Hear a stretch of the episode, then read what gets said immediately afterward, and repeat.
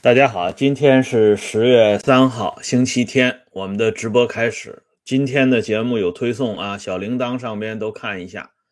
今天我们讲一期这个大清朝这个乾隆皇帝啊。要说这大清朝啊，入关以后十个皇帝啊，这十个皇帝呢，呃，里边能够担得上老佛爷这个尊称的啊，大概只有两个皇帝，一个是康熙皇帝，一个就是乾隆皇帝。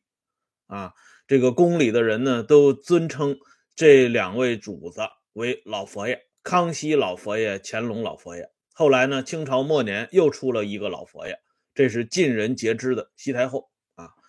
这个康熙、乾隆之所以被称为老佛爷，那是因为啊，首先是德高望重，再一个呢，执政时间很长啊，第三个呢，就是这两个人都非常有能力。但是啊。这个老佛爷嘛，大家都知道啊，顾名思义啊，慈眉善目，然后呢，对人特别宽和。要说康熙呢，啊，还算是担得起老佛爷这个尊称啊。虽然呢，他本人在相当一些事情、相当一些人物的处理上，也并非像正史那样啊称颂的那么可歌可泣，但是相对来讲。康熙还算是凑合啊，这乾隆跟这老佛爷这个称呼那就相差太远了。至少从乾隆十三年开始啊，这老佛爷的形象就不可能扣到乾隆的脸上了。哎，为什么从乾隆十三年，我们说它是一条严重的政治分水分水岭呢？就是因为乾隆十三年开始啊，这朝廷屡次。制造啊大案要案，很多非常有头有脸的大人物，一夜之间沦为阶下囚。所以咱们今天的题目叫“大清乾隆皇帝翻脸了”。哎，咱们先来说一下他没翻脸之前，这没翻脸之前的乾隆皇帝，那还真的是在这些大小臣工眼中啊，包括这个老百姓眼中，那是相当可爱的。哎，乾隆皇帝是在雍正十三年八月份啊接班上来的。上来以后呢，人家首先做的一件事情就是表态啊，就是说以前呢，这个老主子指的就是他老爹雍正皇帝，管大家管得太严了啊，这也是没有办法，因为我爷爷当年留下的一个摊子呢。啊，我爹接进来，他不得不用这种严格的手段来处理。但是现在呢，啊，换了兄弟我上来，咱们一块儿一块堆儿的玩啊，呃，谁也别落下，一个都不能少。哎，乾隆接位三个月之后，就是雍正十三年十一月，乾隆皇帝对外界做了一个小表态。他说：“他老爹雍正皇帝留下的这三位模范督抚大臣啊，就是三个大榜样，一个呢是鄂尔泰，一个是田文镜，一个是李卫啊。这个大家看这雍正王朝啊，李卫当官啊，这些老的电视剧都应该知道这三个人物。乾隆对这三个人做了一个粗线条的评价。”他说：“这三个人里边啊，鄂尔泰我最喜欢，其次呢，呃，李卫也还可以，最糟糕的就是这田文镜。然后乾隆皇帝就把这田文镜给骂一顿，啊，说这 原来河南是个好地方，可是田文镜到那儿当官以后，啊，把这河南搞得老百姓怨声载道，而且呢。”有一部分老百姓居然去要饭去了，在我们这么一个盛世之下呀，河南中原的老百姓去要饭，这传出去啊，我们的脸面往哪放啊？这都是田文镜干的缺德事儿啊！把这田文镜臭骂一顿。这三个人里边，他为什么把田文镜骂一顿呢？确实啊，田文镜这个人不怎么样啊，但是你要说李卫。啊，鄂尔泰就比田文镜强到哪儿去？恐怕也不现实。唯一当时的理由就是田文镜已经嗝屁了，所以拿死人说话呢，哎，大家也不会往多了想。这是乾隆皇帝冒出的第一个小迹象，这就应了以前老辈年间的那句俗话：“一朝天子一朝臣。”但是呢，皇帝这个时候要装一装相啊，装洋蒜嘛，哎，他要摆出一副啊宽仁为政的样子，所以啊，不断的啊这个释放这个温暖的空气。你像这个大家都知道的。啊，雍正年间，这个因为这个夺取太子的位置啊，导致兄弟之间手足相残啊。这老八、老九呢都给弄死了，老十四呢给关起来了，老十啊也给关起来了。这个时候呢，乾隆皇帝下令啊，这个十叔、十四叔全放出来，不仅放出来，还封公爵啊。以后呢。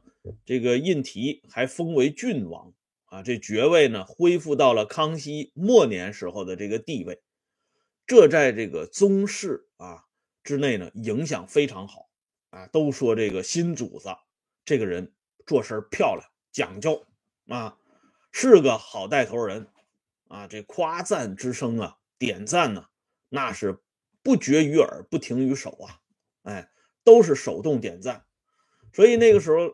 不是有这么一句这个顺口溜吗？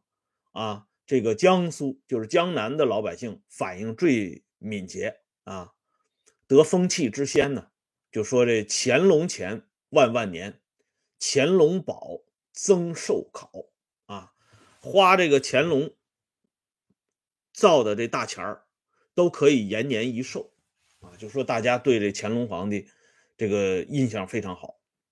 可是到了乾隆十三年。这脸一下子就变了，啊，这乾隆十三年这变脸变得简直哈，让大家都不认识。说怎么就这么就就就变脸了呢？有一个由头，这由头很有意思啊。这由头是皇后，就是大家看这个《如懿传》都知道啊，那个富察皇后啊，姓董的女演员扮演的啊。这富察皇后掉水里了，这个事儿呢。在历史上一直就有争议，啊，呃，地点没争议，就是在咱们山东省德州市，啊，至于他怎么掉水里的，电视连续剧《如懿传》里边呢，啊，有一个介绍，啊，非常奇怪的就落水了，有人在这个船的甲板上做了手脚，啊，野史上边呢说是这皇后呢自己愤懑不已。啊，选择这个掉水里去了，正史上边就都给掩盖了。这里边啊，我简单说一句，其实啊，大家对这个电视剧《如懿传》的口碑啊，不如这个电视剧《甄嬛传》啊。对这个霍建华的这个演技呢，呃，有一些看法。但是我个人感觉啊，我看了这么多年的辫子戏啊，我感觉这陈建斌和霍建华这两个男演员。算是把这雍正和乾隆这皇帝的本质呢，演出了一些真相啊。这霍建华演的这乾隆皇帝，比起什么郑少秋啊、张铁林之流的，那演的真是漂亮的多啊。不论是形象、外表，还是内在的心理活动，这乾隆皇帝就属于特别阴狠的那种啊。表面上看一团和气，其实里边张牙舞爪啊。这回头我们再详细说。具体到富察皇后落水这事儿啊，我比较倾向于台湾的高阳先生的考考定啊。我认为这里边绝不会像正史说的那么简单，什么偶感风寒啊啊！而且之后这乾隆皇帝惺惺作态啊，做出的这个姿态戏演的太过了，所以更让人觉得这个皇后落水。啊，或者是皇后突然去世，本身就有一场啊不可告人的东西在里边哎，凡是他们极力掩盖的，都是他们最不想让咱们看到的。这个呢，就是常识啊。反正不管怎么说，这皇后呢在德州就嗝屁了，她一嗝屁可不得了，这皇帝就翻脸了啊。这大清朝有个规矩，这清朝啊规矩特别多啊，你别看。这个努尔哈赤、皇太极早年都没啥文化，可是入关之后呢，那个讲究比朱元璋还吓人。哎，反正咱们中国历史上啊，这个越是出身差的这皇帝呢，他讲究越多，他忌讳又多。哎，嗯，大伙除了点赞磕头，好像也没别的选择。这清朝有个什么老规矩呢？就是你这个国家遭遇这种大的啊国丧，一百天之内不准剃头啊。那个时候清朝人都留辫子。咱们都知道啊，这留辫子呢，这边上都要剃得干干净净的啊。这只有这脑瓜皮后边啊，呃，留一个长尾巴，哎，这是风俗啊，这是国俗啊，不准议论。谁要议论，脑袋也没了啊。但是呢，这个大家都知道啊，这头发两边的头发往往长得快啊，所以这头发一长出来呢，这个形象就不好看了。所以有的人呢，嗯，就要经常进行一下清理。可是国丧期间，这皇后国丧期间是不准清理两边的啊，就这么疯狂的生长啊，人们就忍不住啊，好美之心呢，爱美之心，人皆有之啊啊！别看这辫子挂脑袋上不好看，但是也得修理修理啊，人前人后，呃，看着像个人样啊。一修理不要紧，这皇帝来脾气了。翻脸了，啊，这个当时呢被举报的是两个人，一个姓姜，叫姜兴汉，这名起的有点麻烦啊，兴复汉朝啊，兴汉这就不行。还有一个呢叫金文纯，这哥俩呢，一个是都司啊，这是中层这个军官，中级军官，相当于这县团级干部啊。然后呢，这个金文纯呢。是咱们今天辽宁锦州的呃地方官，当时是锦州知府啊，市长嘛。要说辽宁就是出这个大人物的地方，这哥俩呢没忍住剃头了，就把这乾隆十三年的大幕一下子就这么就拉开了。这皇帝啊啊接到这举报以后，然后让三法司啊进行会审，你们这三家研究研究。这给这个哥俩怎么定性啊？这刑部尚书盛安知道皇帝有脾气啊啊！这个皇后这个一嗝屁，这皇帝这个戏呀，马上就上来了。所以盛安就想着，既然皇帝来脾气，这个金文纯这个知府啊，绝对不能饶了他。上来大笔一挥，刑部出的意见，斩监后，就用今天的话讲，死缓啊。剃个头判死缓，这已经是到了极致了啊！古往今来，咱们谁听说过啊？这皇帝呢，拿到这个判决建议书以后啊，这乾隆皇帝冷笑两声啊啊！当然，咱也没看到他冷笑两声啊，但实际上当时做的姿态，历史上记载的就相当于冷笑两声啊。只是这个刑部尚书盛安不知道皇帝对他的判决建议。为什么会冷笑？稍后呢，他就明白了。乾隆呢，先把这哥俩的判决放在一边接着等大鱼上钩。过了几天啊，消息就来了：河道总督周学建百日之内剃头啊！这河道总督这可就是大官了，这是省部级领导干部了。这皇帝呢，还等一等。又等了一个，因为周学建毕竟是汉人啊，他还等一等。又等了一个大消息：湖广总督赛楞额百日内剃头。这赛楞额职务在河道总总督之上，而且他是满洲的。哎，你这啊，读书人犯法，为什么罪加一等呢？因为你知法犯法啊。这满洲人不守国俗。好家伙，那也要罪加一等啊！啊，所以皇帝的脾气，文章就出来了。周学建赐死啊！这周学建赐死也有讲究啊，是由大学士高斌负责把周学建给我押到北京来啊，我公开看着他，让他死啊！他给高斌的这个。密旨里边啊，专门写了一句话，他说：“高斌啊，你不要以为高贵妃在宫里，朕呢就对你高看一眼。我知道你跟这周学建两个人私下里关系不错啊。如果周学建在押解途中自杀了，提前自杀了，你高斌你就想想你们满门啊是不是安全？这高斌都吓死了啊！说什么也不能让周学建死在路上啊！所以一路小跑啊，给弄到北京城里。周学建自杀。这赛楞额呢，就是因为都是满人嘛，啊，都是同治家兄弟啊，客气点让他在湖广总督任上自杀，弄死两个总督。弄死两个总督以后呢，这皇上这怒气还没有平息啊。这时候，这个南边啊，西南。金川战事失利，这皇帝这文章又做大了。当时派到金川负责啊战争的是谁呢？是钮祜禄氏啊，讷亲。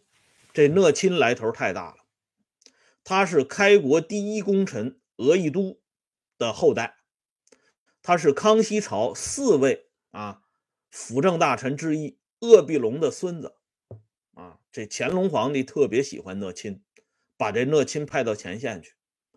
这个时候，乾隆皇帝更喜欢他了，因为呢，讷亲这脑袋能让乾隆皇帝消消气儿，所以呢，把这讷亲给抓起来了。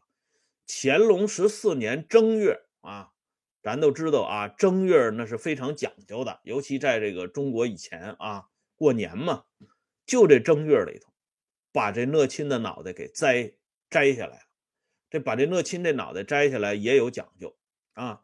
乾隆皇帝让手下人拿着讷亲的爷爷鄂必龙啊留下的那把著名的刀宝刀，叫鄂必龙神锋握圣刀啊，用他爷爷的刀砍他孙子的脑袋，这就是乾隆皇帝琢磨出来的。正月里送给钮祜禄家的一份大礼啊，要知道这。讷亲跟孝圣宪皇后，就是乾隆的所谓的亲妈啊，其实不是亲妈。当时的皇太后，那是一个家族里出来的，还带着远亲呢，都姓钮祜禄啊。但是钮祜禄也不行啊，必须给干掉。哎，所以这讷亲就没了。讷亲杀完以后还不知足，还得杀一个啊，就是张广嗣。啊，张广嗣呢是雍正皇帝提拔起来的一员名将，岳钟琪、张广嗣是仅次于年羹尧的，也杀了，杀了张广嗣啊！这乾隆皇帝按说应该消消气儿了，还是不行，他又想起个人来啊，这个人也必须杀，这回也不留着，这个人也是个大姓，佟家氏啊，这个大清朝有一个非常有名的家族。啊，按说呢是汉人家族，可是，在大清朝啊，十个皇帝里边，五个皇帝跟这家族呢都有姻亲的关系，这就是清朝著名的同伴朝啊。这同伴朝呢，从这个顺治皇帝啊算起，就跟皇族呢有这姻亲关系。康熙皇帝的什么孝昭仁皇后啊等等啊，同家氏。都是出身于佟家氏啊。康熙皇帝的舅舅佟国维，康熙皇帝的表弟隆科多都是佟家氏。那这回杀的是谁呢？也是佟家氏。隆科多的亲弟弟庆父啊。当初呢，隆科多被弄起来，他弟弟庆父啊，亲手举报他哥哥，受到雍正皇帝的嘉奖，说这是大义灭亲呢啊。所以呢，隆科多的爵位让庆父承袭。这庆父呢，在这个乾隆朝也特别得重用，做到总督的位置上。可是这个时候，乾隆借人头了，哎，个儿越大越过瘾。所以呢，连讷亲都敢杀，你个同伴朝的庆父有什么不敢杀的？所以一刀砍下来，这庆父的脑袋就没了。不光是庆父的脑袋没了。这同伴朝的脑袋也没了啊！这佟家呢，旧重庆父死了以后，开始走入衰落的阶段。他们家追随努尔哈赤创业啊，到乾隆这儿戛然而止，结束了啊。杀完这么多，大家说这总得差不离了吧？不行，还有两个人要办啊。哪两个人呢？这一说大家都知道。大家看过《红楼梦》啊，《红楼梦》里边有个大观园，这大观园怎么来的呢？就是因为元妃啊，贾政的女儿贾元春。要回家省亲啊，所以呢，贾家建了个大观园，啊，元妃嘛，皇帝的妃子。可是这元妃的原型是谁呢？啊，有两个原型，一个呢是曹雪芹的姑妈啊，嫁给平郡王府；再一个原型，就是今天我们要讲的平郡王福鹏。这福鹏呢，身上也有两个啊，一个是贾元春啊，一个呢是北静王水溶啊，这两个人。都有福鹏的影子，这平郡王福鹏可是不得了啊！这福鹏年纪轻轻就被雍正皇帝看中了。这雍正皇帝在圆明园大开法会啊，赐号十三个人是居士啊。这个雍正皇帝自称他在西天得大自在啊，那是佛爷，所以他封了十三个居士。